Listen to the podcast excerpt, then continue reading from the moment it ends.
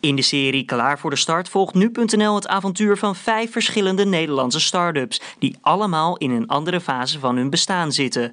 Opstarten, financiering, eerste klanten, scale-up en team. Luister om de twee weken naar een nieuwe aflevering. Nu zakelijk. Klaar voor de start in samenwerking met ING. Met in deze podcast het thema opstarten. Een hele goede morgen aan ieder. Het is 9.53 volgende aankomst station Amsterdam Centraal, binnenkomst perron nummer 2.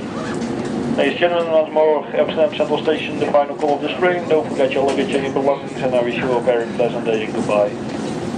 Amsterdam Centraal, even voor tienen, vol met mensen. Mensenmassa's die bij calamiteiten snel de juiste kant op gestuurd moeten worden. Maar hoe krijg je vat op die stromingen?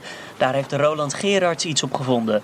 Met zijn start-up U-Crowds maakt hij software om dit soort bewegingen te voorspellen. Dat terwijl hij daarnaast ook gewoon werkt bij de Universiteit Utrecht. Daarom heb ik het met Roland ook over het opstarten van zijn bedrijf. Ik spreek hem onder het Centraal Station, daar waar nu nog bijna niemand is. De Noord-Zuidlijn. Ja, het is natuurlijk uh, leuk om dit eens een keer in het echt te zien. Ik heb uh, heel veel 3D-modellen gezien van verschillende metrostations in uh, de Noord-Zuidlijn.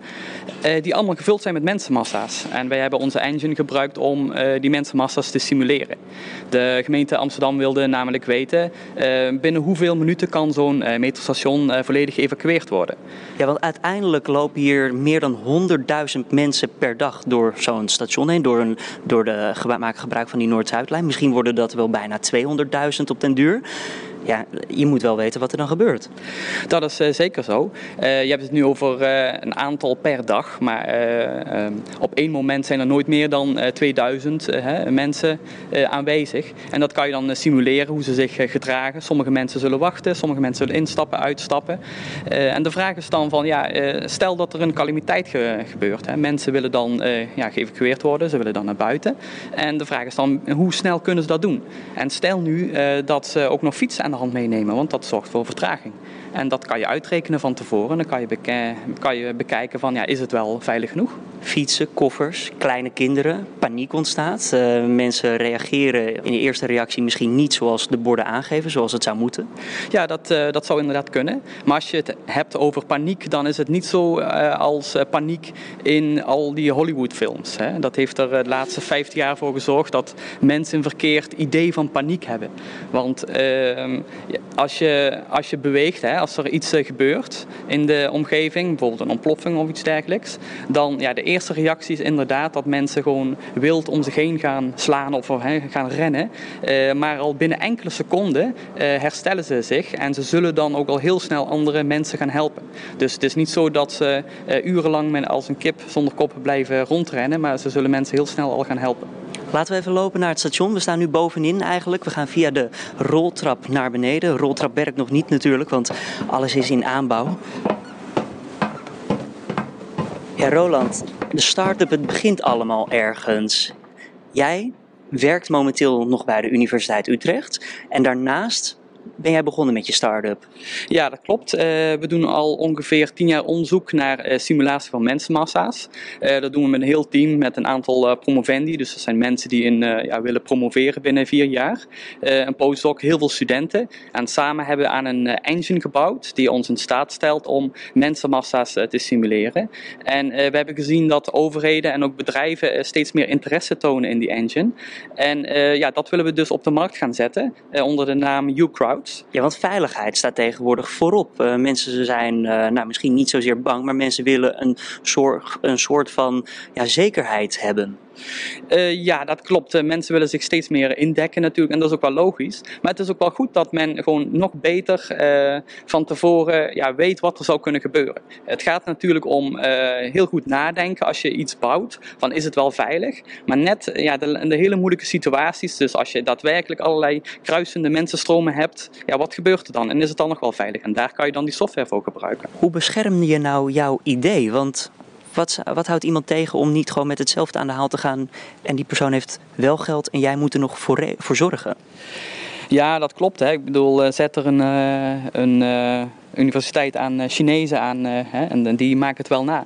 Maar zo erg is het niet Want de technologie die we gemaakt hebben is vrij complex. er zit ongeveer 10 jaar aan onderzoek in, misschien wel 25 manjaar echt aan onderzoek.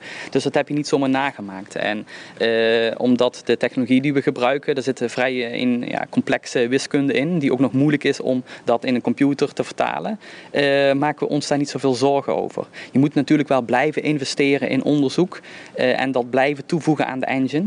en dan komt het wel goed. Heb jij nou ook een voorsprong? Je, bent, je werkt op de universiteit. Kan jij nou gewoon een roedel studenten aan het werk zetten en jongens, hier kan je even wat punten mee verdienen, ga aan de slag voor UCrowd?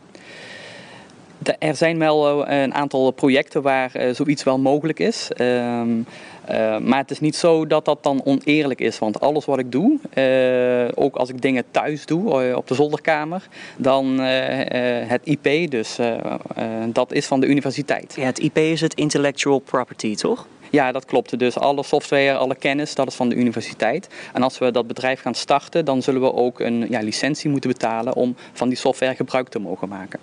Hoe kom jij nou aan je eerste klant? Want we hadden het al eventjes over een netwerk en dergelijke. Uh, je bent in gesprek geweest met de gemeente, onder andere voor de Noord-Zuidlijn. Hoe leg je nou iemand vast? Dat is eigenlijk een toevallige ontmoeting geweest. Het eerste contact was met eh, het bedrijf InControl. Uh, zij zitten in Utrecht en zij doen ook simulaties van mensenmassa's. En ze hebben dan onze software genomen, daar een schil omheen geschreven. En dat gebruiken ze om simulaties te doen. En al heel snel daarna kregen we contact met mensen van Homeland Security in de Verenigde Staten. Zij vonden dat onze software interessant was, dus ze kwamen over en ze ja, gingen in gesprek met ons. Nou, moet je even luisteren. We staan hier dus nu op het station nog, onder de grond bij Centraal Station Amsterdam. En de metro die komt even langs voor ja, de testrit. Ik zou bijna willen instappen. Ja, inderdaad. Het is leuk om dat te zien. Ik heb uh, simulaties gezien waar uh, dit ook gebeurt, dus, uh, maar nu in, in het echt. Ja, nu stapt er niemand uit. Um, ja, de metro staat hier. Jij ziet het al voor je, hè, waar de mensen naartoe gaan. Jazeker, ze zullen snel naar boven gaan over de roltrappen. Maar als er geëvacueerd moeten worden, dan zullen sommige roltrappen stilstaan en uh, dan zullen ze minder snel naar boven komen. Maar de simulaties hebben wel uitgewezen dat dat snel genoeg is. welke manier wil je uiteindelijk nog meer geld creëren voor je bedrijf? Want je eh, krijgt nu van de gemeente een bepaald bedrag. Ja, dus uh, dat bedrag is van de overheid, van eh, NWO. die geven subsidies om die start, om die overgang te kunnen maken van universiteit naar het bedrijfsleven. Een soort kickstart. Zo zou je het kunnen noemen, inderdaad. Uh, en uh, daarna gaan we bij Utrecht Inc. zitten. Dat is de incubator van de Universiteit Utrecht. Daar zitten allemaal bedrijven en ze bieden ook programma's aan voor startende ondernemers om zich nou ja, allerlei vaardigheden op te laten doen rondom ondernemerschap. En daar gaan we een kantoortje huren. En ja, daar zitten we in het juiste ecosysteem om echt een boost te kunnen maken. Wat heb jij nog nodig? Wat, wat zie jij voor ogen van nou, als dit gebeurt, dan zitten we goud?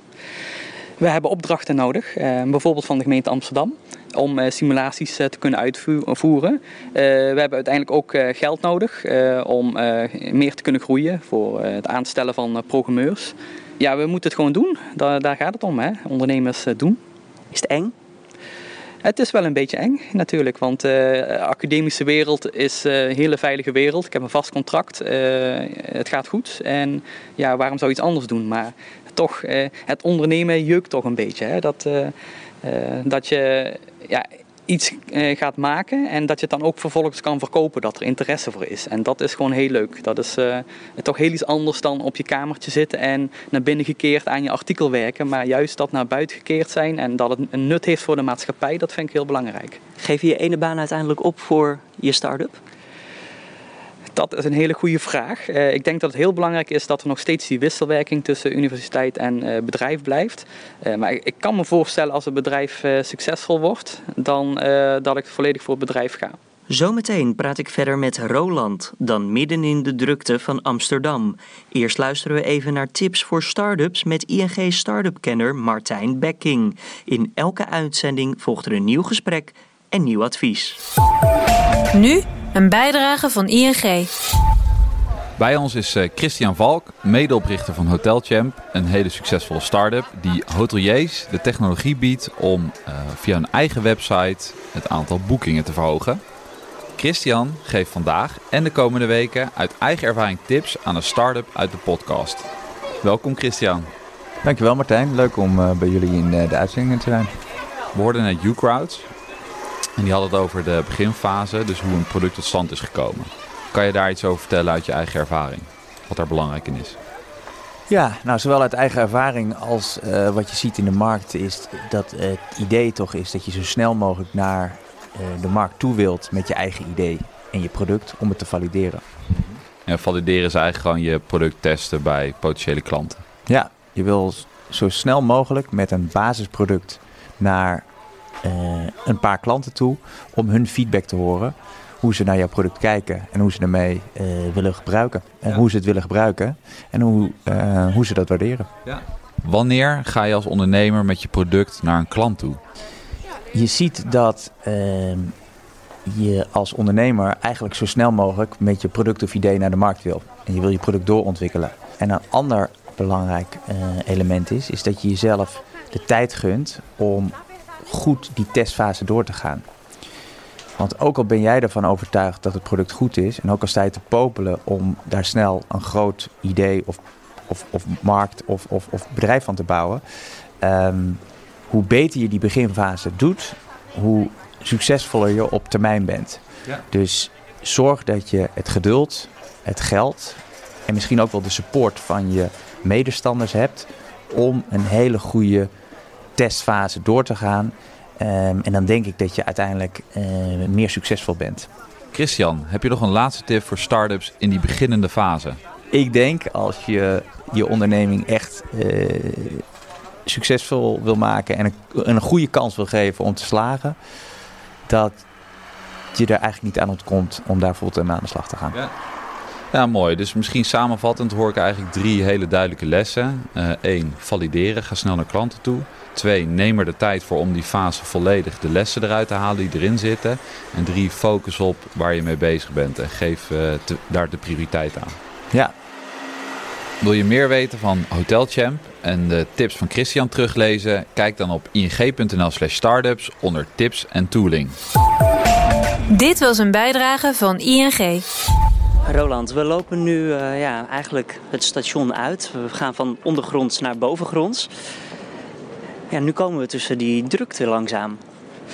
Ja, dat klopt. Amsterdam is natuurlijk een ontzettend drukke stad. Eh, stad veel toeristen. Houdt jouw systeem rekening met uh, het verschil bijvoorbeeld qua toeristen en uh, ja, inwoners? Want iemand die Nederlands is en in Nederland paniek krijgt door wat dan ook, reageert misschien anders dan een Spanjaard in Nederland.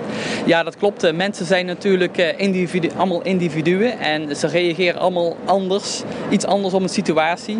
Uh, als je bijvoorbeeld uit uh, India komt, uh, China komt, hè, dan is de persoonlijke ruimte bijvoorbeeld veel kleiner dan van Nederlanders. Dus ze zullen ook dichter op elkaar gaan zitten. Nederlanders die zullen iets langzamer lopen ook dan mensen uit die andere landen. Heb je dit allemaal onderzocht? Dat uh, vind je terug in uh, academische literatuur inderdaad, dit soort zaken. Maar dan moet je wel rekening mee houden als je mensenmassa's gaat simuleren. Um, het is, denk ik, zeker op dit moment niet mogelijk om een individu realistisch te simuleren. Dat is gewoon veel te complex, want menselijk gedrag is ontzettend complex. Omdat we juist ook zoveel verschillende dingen kunnen doen, op zoveel verschillende manieren kunnen reageren op situaties. Ga je dan een beetje uit van juist kopieergedrag? Dat als groep A dit doet, dan zal groep B ook wel volgen? Ja, dat is een, een element van grote mensenmassa's. Want terwijl je het individu heel moeilijk kan simuleren, kan je grote mensenmassa's juist weer wel goed simuleren. Omdat mensen op elkaar reageren op een redelijk voorspelbare manier als ze met z'n allen bij elkaar zijn. mensen zullen elkaar volgen, ze zullen in groepjes lopen, ze proberen elkaar op een bepaalde manier te ontwijken. Als het heel druk wordt, zullen mensen in een bepaalde stroming mee gaan lopen. En uh, dus uh, ze gaan zichzelf uitlijnen met de stroming, omdat dat minder energie kost. En al dat soort regeltjes kan je uh, encoderen in zo'n systeem. Als je hier zo om je heen kijkt, um, we staan hier op het stukje van het stationsplein naar het Damrak. Het is hier hartstikke druk, auto's, bussen, trams, alles komt pak een beetje samen. Zie jij hier ruimte voor verbetering? Of denk jij van, ja, zou hier wel een plan zijn als je zo om je heen kijkt? Um, ja, kijk, wat we tegenwoordig doen met simulaties is uh, de mens in de mensenmassa simuleren. Maar wat we nog veel te weinig doen is ook andere verkeerselementen meenemen, zoals fietsers die hier kris en kras door de mensenmassa zich bewegen, alle trams, alle auto's. En juist die interactie tussen die verschillende typen verkeer, dat kunnen we nog veel beter simuleren. En dat gebeurt nu nog veel te weinig. Hoe lang uh, heb jij nog nodig, denk je, voordat jouw product uiteindelijk daar is waar je voor ogen hebt? Totdat jouw product af is? Ik denk dat het product nooit af is, maar uh, we hebben verschillende typen producten in gedachten. En uh, ons basisproduct, een uh, simulatie-engine, kunnen we nu al verkopen. Hè. Die, we geven nu al licenties via de universiteit uit. Maar uiteindelijk een versie wat een compleet product is, waarmee mensen dus een 3D-model kunnen invoeren en dan vervolgens heel veel parameters kunnen opgeven. Dus hoe zo'n mensenmassa loopt. Nou, als je, ik denk dat dat nog wel drie jaar kan duren. Drie jaar zeg je? Ja, het is een heel complex product uh, dat ook gemaakt moet worden voor ja, de eindgebruiker. Hè. Uh, uh, je moet op omdat een mensmassa zo complex is, moet je ook software maken die met die complexiteit om kan gaan. En ook om kan gaan met de gebruiker, die het allemaal maar moet invoeren. Als we even terug gaan naar het begin, tien jaar geleden, toen startte het allemaal. Toen was het eerste idee bij jou naar binnen gepopt. Ja, dat klopt. Ehm, ik eh, was eh, net klaar met mijn uh, promotieonderzoek in de robotica. En we hadden onderzoek gedaan naar hoe robots objecten kunnen oppakken en dan vervolgens kunnen verplaatsen zonder dat ze de omgeving beschadigen. Je moet dan denken aan het optillen van een autostoel en dat vervolgens automatisch in de auto plaatsen. dat heet dan motion planning, dus het plannen van bewegingen. Maar als, in dat onderzoek hebben we eigenlijk alleen maar gekeken naar de bewegingsplanning van één ding. En uh, de volgende uitdaging die kwam eigenlijk veel meer uit de gaminghoek. Uh, waarin we gaan kijken. Gingen even, kijken... uit de gaminghoek? Hoe, hoe komt dat dan? Nou, um, in de gaming en games, grote games, zie je vaak dat er uh, heel veel dat heet dan non-player characters, uh, agenten, rondlopen, uh, die ook interactie met elkaar hebben. En dat lijkt heel erg op hoe mensen in, in de werkelijkheid uh, navigeren en bewegen. En de complexiteit daar zit het, in, zit het hem in dat je duizenden of zelfs tienduizenden mensen in real time wilt simuleren. En dat werd mijn volgende uitdaging om een systeem te bouwen dat in real time zo'n groot systeem, dus een grote mensenmassa, kan simuleren. En nou ja, de, gemeente die ziet uiteindelijk jouw product, die ziet YouCrowd en die denkt van wij hebben een groot festival, bijvoorbeeld iets met Koningsdag, wij willen dit toepassen. Hoeveel tijd van tevoren moeten zij hiermee aan de slag? Ik denk toch wel enkele maanden. En het is juist de bedoeling van onze start-up om eh, de tijd dat zo'n project duurt eh, drastisch eh, te verminderen. Er zijn een aantal factoren die ervoor zorgen dat zo'n project lang duurt. En de eerste is dat het heel veel tijd kost om een 3D-model te maken van de omgeving. En dan ook vervolgens nog de beloopbare vlakken in zo'n omgeving uit te rekenen. Want dat heeft een simulatie nodig om ja, te kunnen simuleren. Kan je niet gewoon gebruik maken van, ik noem maar iets, een Google Maps? Dat zou voor een stukje kunnen. Uh, maar het is, uh, als het in een gebouw is, ja, dan heeft Google Maps dat niet. En Google Maps is, geeft een 3D-beschrijving tegenwoordig, maar op een redelijk hoog niveau. Dus heel veel details zou je toch nog moeten toevoegen. Want ook de plaatsing van plantenbakken, zelfs de positie van putdeksels, kan van invloed zijn op mensenstromen. Dus je zult nog best wel wat informatie moeten toevoegen om een realistisch simulatiemodel te kunnen maken. Er zijn een ik denk wereldwijd vijf tot zeven bedrijven die dit ook doen. Dat valt redelijk mee. Dat valt redelijk mee. Uh, en het, het, is gewoon heel uh, complex wat we doen. En daarom denk ik dat er ook niet zoveel bedrijven zijn. En een grote voorsprong die wij hebben is uh, dat we ehm, eigenlijk opnieuw zijn begonnen. Hè. Heel, er zijn een aantal bedrijven die bestaan al heel lang en die werken nog steeds met een engine die ook al heel oud is. En daarom is die niet flexibel met huidige wensen van uh, opdrachtgevers. Nou hoor ik je iets zeggen, een eh, engine die dan niet flexibel is. Jullie zijn opnieuw begonnen, maar dat betekent dat jullie om de zoveel tijd dus eigenlijk weer opnieuw moeten beginnen om te blijven vernieuwen. Anders word je ingehaald door een start-up zoals jij zelf nu bent begonnen uiteindelijk. Ja, we hebben de software zo opgebouwd dat het heel modulair is en dat het makkelijk in te passen is in andere uh, toepassingen, in andere stukken software, uh, waardoor die ook goed te onderhouden is. En daarom is het ook zo belangrijk om met uh, de universitaire wereld te blijven samenwerken, zodat we kunnen blijven vernieuwen. En dat is in deze tak ontzettend belangrijk. Anders worden we inderdaad ingehaald door een andere start-up. Ja, Roland, beginnen van een start-up. het is jou gelukt en het lijkt ook allemaal wel de goede kant op te gaan. Ja, dat klopt. Maar er zijn, ja, het is een proces dat uh, veel langer duurt dan dat je denkt. Uh, je moet natuurlijk allerlei afspraken maken met verschillende afdelingen binnen de universiteit. Uh, je moet een team vormen. je moet allerlei kennissen opdoen. En uh, het is nog zo dat ja, de overheid wil graag dat er uh, start-ups uh, beginnen, dat er veel aan outreach en valorisatieactiviteiten plaatsvinden.